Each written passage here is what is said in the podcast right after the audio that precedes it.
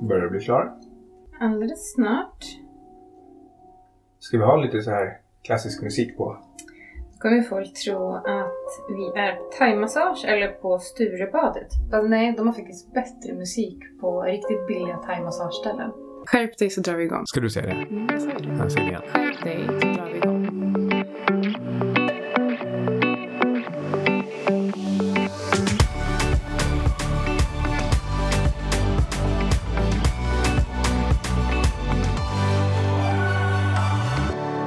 Det här är den nya podcasten Outsiders. Outsiders! Med Anna Svan och Och Micke Syding. Vi döpte podden till Outsiders för att eh, vi är ju det på, på många sätt. Jag står ju till exempel alltid utanför marknaden jag gör mina konstiga råvarutrades.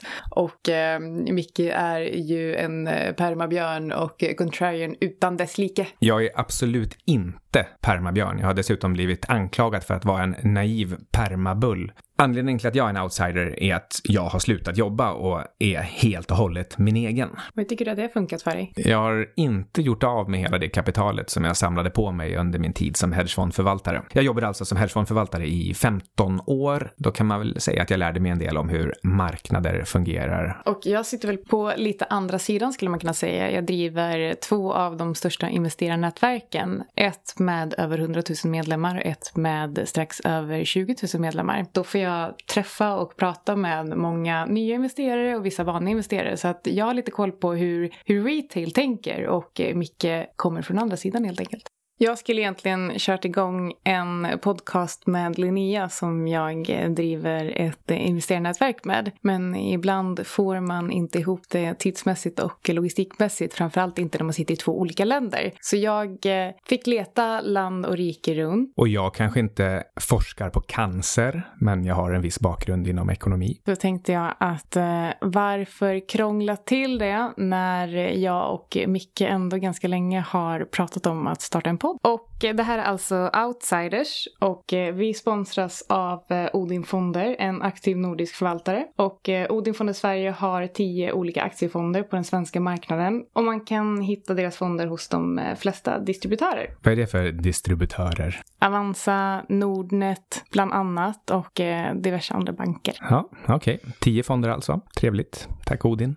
Vi ska prata lite signalvärde i, i volatiliteten och eh, belåning idag. Jag tycker att det som hände här för några veckor sedan, Volmageddon, det skickar en jättetydlig signal om att någonting nytt har hänt på marknaden för första gången på nästan tio år. Jag tycker faktiskt inte att det är så himla nytt. Vi har pratat så himla länge om att vi har en så himla sto stor och stark bullmarknad. Men varför har Stockholmsbörsen senaste året, alltså de senaste 12 månaderna, bara en utveckling på minus 1 procent? Man kan dessutom lägga till att samma sak gäller ju på tre års sikt. OMX har stått still i tre år.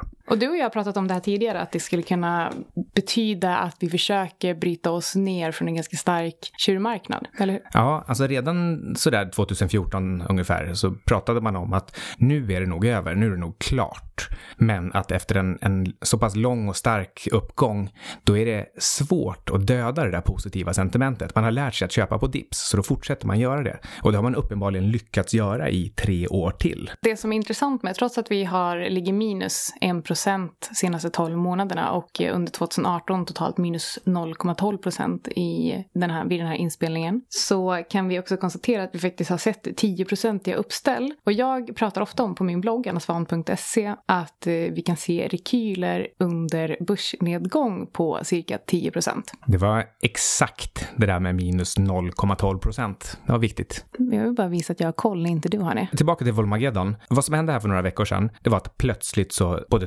dubblades och tripplades VIX-index, det här måttet på eh, optionsvolatilitet och marknadsvolatilitet. Och det här har inte hänt på väldigt länge. Det är sedan finanskrisen för tio år sedan som VIX var uppe och studsade på höga nivåer. Och sedan dess har den istället lagt sig som en eh, dödmans EKG på rekordlåga nivåer. Och den här förändringen, det här att plötsligt trycka till på uppsidan i volatilitet, det ser jag som en, en ny händelse på finansmarknaderna. Det här började med att slå ut en inverterad volatilitetsfond. Och jag tror att det här är, det är en slags test av de, de fonder som styr marknaden. De är inne och testar hela tiden åt olika håll och ser vad som är minsta motståndets lag. Och nu märkte de att här kan vi knocka ut den här fonden genom att dra oss till en viss nivå. Och det var tillräckligt lite motstånd för att de skulle lyckas göra det. Och har man väl börjat testa det här, att, att eh, skjuta de svagaste djuren, då tror jag då tar man ett till och ett till. Jag tror att vi ska upp en bra bit igen. Det ser i alla fall ut så ganska kortsiktigt. Men på, om vi säger ett till två års sikt så är jag ganska negativ. Eller tror att börsen ska fortsätta som det har sett ut 2014, alltså ganska flat. Vad tror du? Jag tror nog också att vi kan få se ett sista all time high på börsen. Ett ganska snabbt från eh, den nivån där vi är nu. Så att det, vi går ganska snabbt upp och snabbt ner igen. Du ser vi 1700 eller 1200 först på OMXS30? Oj, nej, men 1700 är mycket närmare. Så jag tror vi ser 1700 i sådana fall. Jag tror faktiskt också det. Jag har en gissning fortfarande på en nivå om 1670 på OMXS30. Men det är bara för att det är 10 i uppställ från eh, botten där för några veckor sedan. Hur gör du? För du sålde ju faktiskt din eh, välkända björnposition för ett tag sedan. Men du har handlat med den lite fram och tillbaka ändå, nu det senaste, eller hur? Jag har nästan avvecklat hela min börsnoterade portfölj och investerat i onoterat istället. Men det som faktiskt finns kvar, då är det några små spekulativa småbolag, långa, och sen en fullständigt oseriös bear gånger 15 position, alltså en 15 gånger hävstångprodukt på nedsidan. Som, om jag räknar efter, jag tror att den ganska hyggligt balanserar mina långar. Det låter, det låter seriöst, verkligen. Jätteseriöst. Jag tror man ska se det här som ett, eh, att jag agerar rebell mot min tidigare oerhört seriösa karriär som hedgefondförvaltare. Det låter som var och varannan småsparare som har spridit sina risker i H&M, Telia och Ericsson för att få liksom en bra grund i säkra, trygga bolag och så tar de tagit lite risk med, risk med krydda i Fingerprint. Du kan ta rysk, men eh, så dum är, är väl ingen. Ingen har gjort så där. De är väldigt många faktiskt, tyvärr. Nej, ingen har gjort så. I min, I min värld har ingen gjort så. Det går inte. Det går inte att klassificera H&M, Telia och Ericsson som säkra och Fing som en eh, trevlig krydda. Krydda i alla fall. Ja, en riktigt, riktigt äcklig en. Alla som har köpt Fingerprint har fått eh, smaka på vad risk betyder egentligen. Ja, men faktiskt, det där tycker jag egentligen är väldigt viktigt och nyttigt. Det är jättebra att Fingerprint gjorde det här utan att resten av marknaden gick ner. För nu fick man se en, en billig läxa i ett enda enskilt bolag som väldigt tydligt utmärkte sig som en spekulativ bubbla och som sen pyste ihop. Tänk om det hade hänt samtidigt med en börsnedgång. Tänk om man, eh, ens huvudportfölj hade gått ner samtidigt som ens eh, Fingerprint-aktier gick ner. Nu har man istället lärt sig någonting. Nu är det så att jag var på en föreläsning igår, eller jag höll en föreläsning igår och då var det faktiskt några andra som föreläste också. Och genomsnittssvensken äger 1,3 olika bolag i sin portfölj. Det här betyder att det är nog faktiskt många som har bränt sig rejält för att Fingerprint har varit det enda de ägt. Oj, det där låter ju riktigt sjukt. För om jag minns rätt så är det fortfarande kanske 30 000 ägare i Fingerprint på bara Avanzas plattform. Och om, om de är symptomatiska enligt det du säger, då har de ju mer eller mindre bara ägt Fingerprint. Tyvärr är det så. Men eh, det är faktiskt eh, inte så mycket mer vi ska prata om volatilitet idag. För vi försöker hålla de här avsnitten ganska korta så att ni orkar lyssna på hela. Det är inte alla som pallar lyssna på mig och Micke hela dagarna. Men som sagt, vi är eh, sponsrade av Odin och de har historiskt haft en övervikt mot små bolag eftersom att de har visat sig ha bättre utveckling över tid. Och eh, alla Odins fonder är all-cap-fonder. Och det är för att de tittar på bolagens prestation framför bolagens storlek. Kan du förklara det där med all cap? Ja, de investerar alltså inte bara i stora fina bolag på, på large cap eller halvstora fina bolag på mid cap eller bara småbolag på small cap utan de sprider sin portfölj över alla listor. Okej, okay, och så gör de en riktig analys av bolagen och så väljer de de som är bra oavsett om de är små eller stora? Ja, faktiskt. Jag var på en, en lunch med Odin och eh, en av deras förvaltare gav, eh, de skojade om eh, det här begreppet fint bolag och då var det någon som ställde en fråga, vad betyder det egentligen? Och då skrattade han och sa att de inte gillade att använda sig av det begreppet. Men i hans värld så betyder det bolag som bygger värde över tid. Och det var nog typ den enda definitionen som jag kan skriva under på faktiskt. Ja, det tycker jag låter bra. Men vi ska prata lite om eh, belåning också. Du läste en artikel på Zero Hedge. Den här artikeln den handlade om kopplingen mellan belåning, upplåning och och eh, tillväxt i både sysselsättning och eh, ekonomisk aktivitet. Och sen var det väl framförallt på slutet en graf över nettoförmögenheter och eh, sparkvot som var lite intressant. Sparkvoten i USA är ungefär 2% Det är fruktansvärt lågt, både ur ett historiskt perspektiv och ur ett eh, just nu då globalt perspektiv. Man sparar inte i USA. Nej, det, det låter ju jobbigt för belåningen, belåningen är ju dessutom ganska hög så man är nog ganska räntekänslig borta. Men vi, hur, hur, ser det ut i Sverige? Där är sparkvoten mycket, mycket högre. Den är 16 procent. Men eh, där räknas ju faktiskt både tjänste och premiepension in och den utgör faktiskt en ganska stor del av det här. Så att även om du tycker att svenskarna har hög sparkvot så utgör den finansiella sparkvoten bara 5,5 procent. Och om man räknar med att de flesta svenskar faktiskt har en stor del av sitt sparande på sparkonton utan ränta. Och kommer du ihåg ungefär hur eh, mycket lån vi har i Sverige idag? Ja, 3000 miljarder kanske, men jag är lite osäker på om det är bara huslån eller om det är hela den, eh, den privata sektorn. Oavsett vad så tror jag att den här minisparkvoten som vi ser i svenska hushåll faktiskt äts upp av räntor från belåning. Så vad, säger, vad händer om eh, svenska räntan höjs? Då eh, slutar man nog både spara och konsumera. För eh, några procentenheters högre ränta så eh, det äter upp en väldigt stor del av ens inkomster och sparutrymme. Men det har ju varit, på tal om Olmageddon, lite snack om, om räntan. För att anledningen till att vi såg det här nedstället från början, det berodde ju faktiskt på att vi var rädda hända att, eller vi och vi, utan marknaden blev lite orolig över att inflationen hade stigit snabbare än väntat och att det skulle medföra snabbare räntehöjningar. Vad betyder egentligen räntehöjningar för marknaden? Alltså det där är lite svårt att säga. Ur ett historiskt perspektiv så är det här att räntan är så himla viktig, det är ganska nytt. Och det beror på att vi har finansialiserat hela ekonomin mer och mer för varje årtionde och århundrade som har gått. Och nu är vi på någon slags peak räntekänslighet för eh, både både företag, börs och eh, konsumtion så tror jag att nu betyder räntan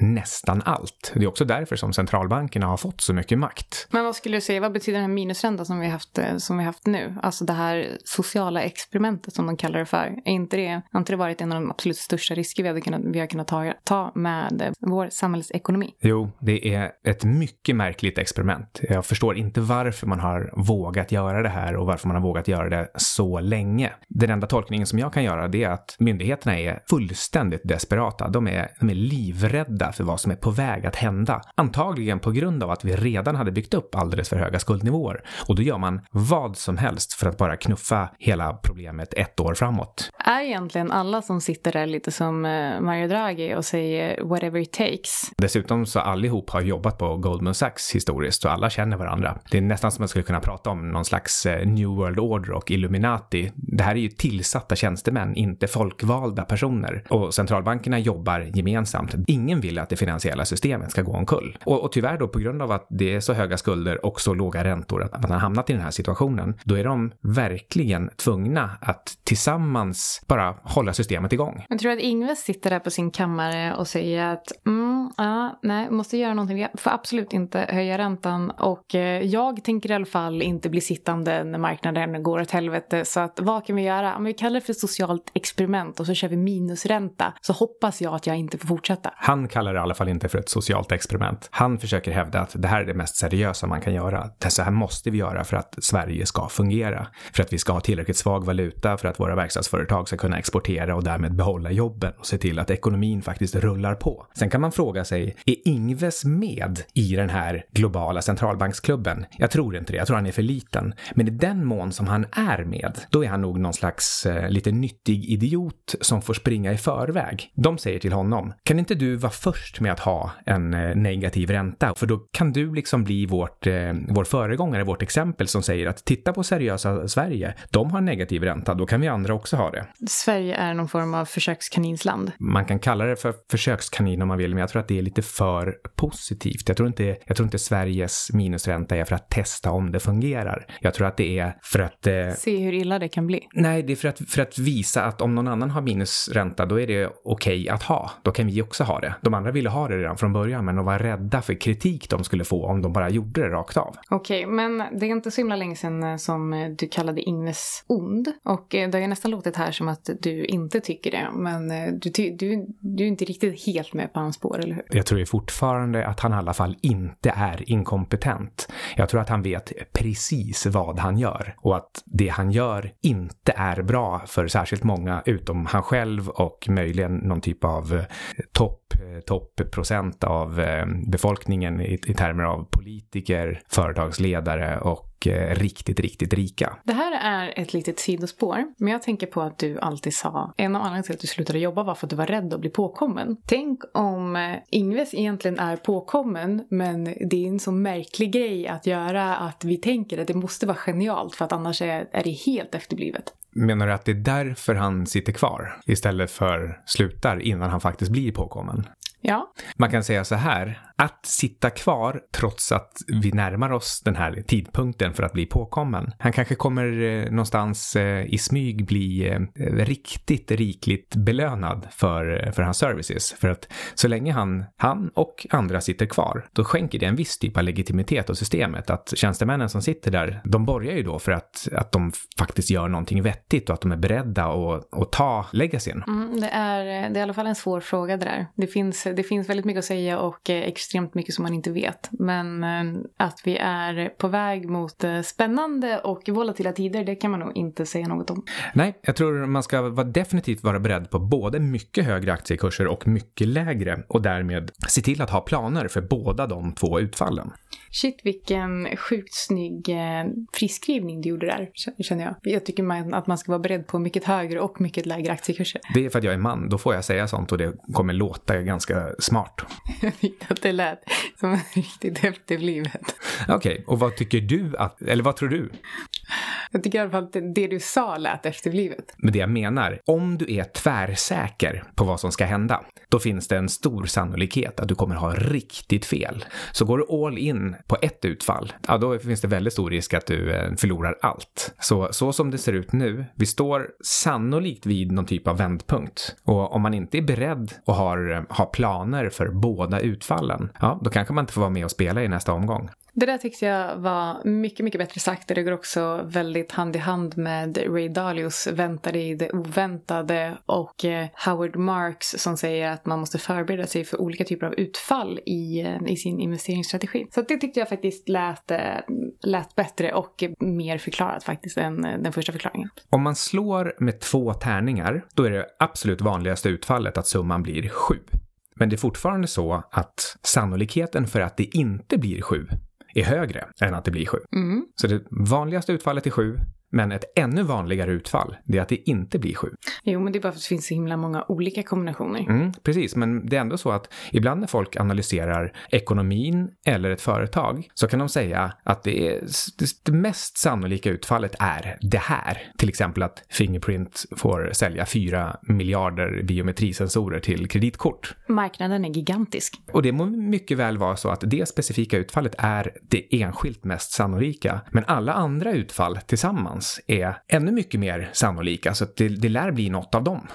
Mm, och det är faktiskt exakt det Howard Marks säger i boken The Most Important Thing. Och om man nu ska ge tips om böcker i den här podcasten så tycker jag att alla borde läsa den. Ja, den går igenom vad risk faktiskt betyder. Och risk betyder inte att om, om du tar riktigt mycket av den så kommer det gå riktigt bra för dig. Nej, då kommer det med stor sannolikhet gå ganska dåligt. Men det ökar också sannolikheten för att det eventuellt kan gå bra. Men jag tror att vi skulle kunna runda av där och med det vill vi säga tack Odin Fonder och följ gärna Odin på sociala medier. Ni hittar dem på Twitter och LinkedIn som Odin Fonder Sverige och där kan ni bland annat hitta artiklar om hur de förvaltar. Men tänk på att eh, fondandelar kan gå både upp och ner och det är inte säkert att du får tillbaka hela det insatta kapitalet. Då har ni lyssnat på Outsiders med Syding och Svan. Tack så mycket för att ni lyssnade. Hej då!